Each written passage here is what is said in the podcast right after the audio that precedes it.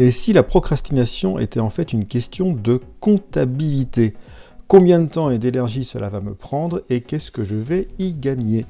Bienvenue, vous êtes sur le podcast J'ai pas le temps pour ça, proposé par Eric Boucher. Je partage des trucs, des astuces, des outils, des méthodes pour être plus efficace au quotidien et terminer la journée plus tranquillement. Cette histoire de comptabilité, c'est sur le blog Dynamite que je l'ai trouvé. Il lui a même donné un nom, l'auteur. Euh, il l'appelle Jim, son petit comptable, qui va identifier si les tâches qu'il avait envie ou pas très envie de faire méritent d'être faites. Et donc il nous propose, puisqu'on parle de comptabilité, une taxonomie. Qu'est-ce qui va être le plus taxant? Euh, en l'occurrence, c'est le vocabulaire qu'il a utilisé pour euh, la procrastination et il nous propose quatre éléments de lecture sur ces tâches que nous n'avons pas envie de faire.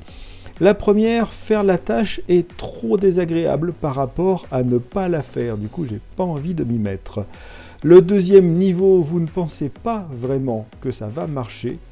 Avec en sous-analyse, on va dire, vous ne pensez pas en avoir les compétences, ou en deuxième lecture, vous ne pensez pas avoir un plan correct pour y arriver.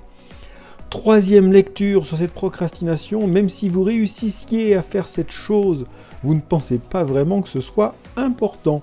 Pourquoi Soit parce que vous pensez que personne d'autre ne s'y intéressera, soit parce que vous-même, vous n'en avez pas grand-chose à faire de cette tâche.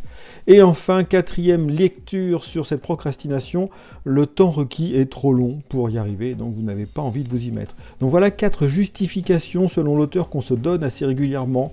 C'est trop désagréable à faire par rapport à ne pas le faire. Ça va pas vraiment marcher, même si je réussissais, en fait tout le monde s'en fiche, et finalement ça va prendre trop de temps.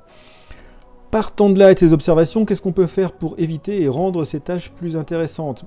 Justement, six pistes. La première, rendre la chose à faire plus plaisante. Qu'est-ce qu'on peut faire pour que j'ai plus envie d'y aller? Dans l'autre sens, la rendre, rendre le fait de ne pas la faire plus désagréable, voire impossible. Et finalement, je n'ai plus le choix.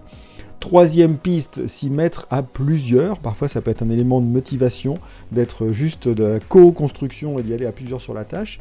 Quatrième possibilité, découper cette chose en une liste de tâches à faire. Ça a deux intérêts.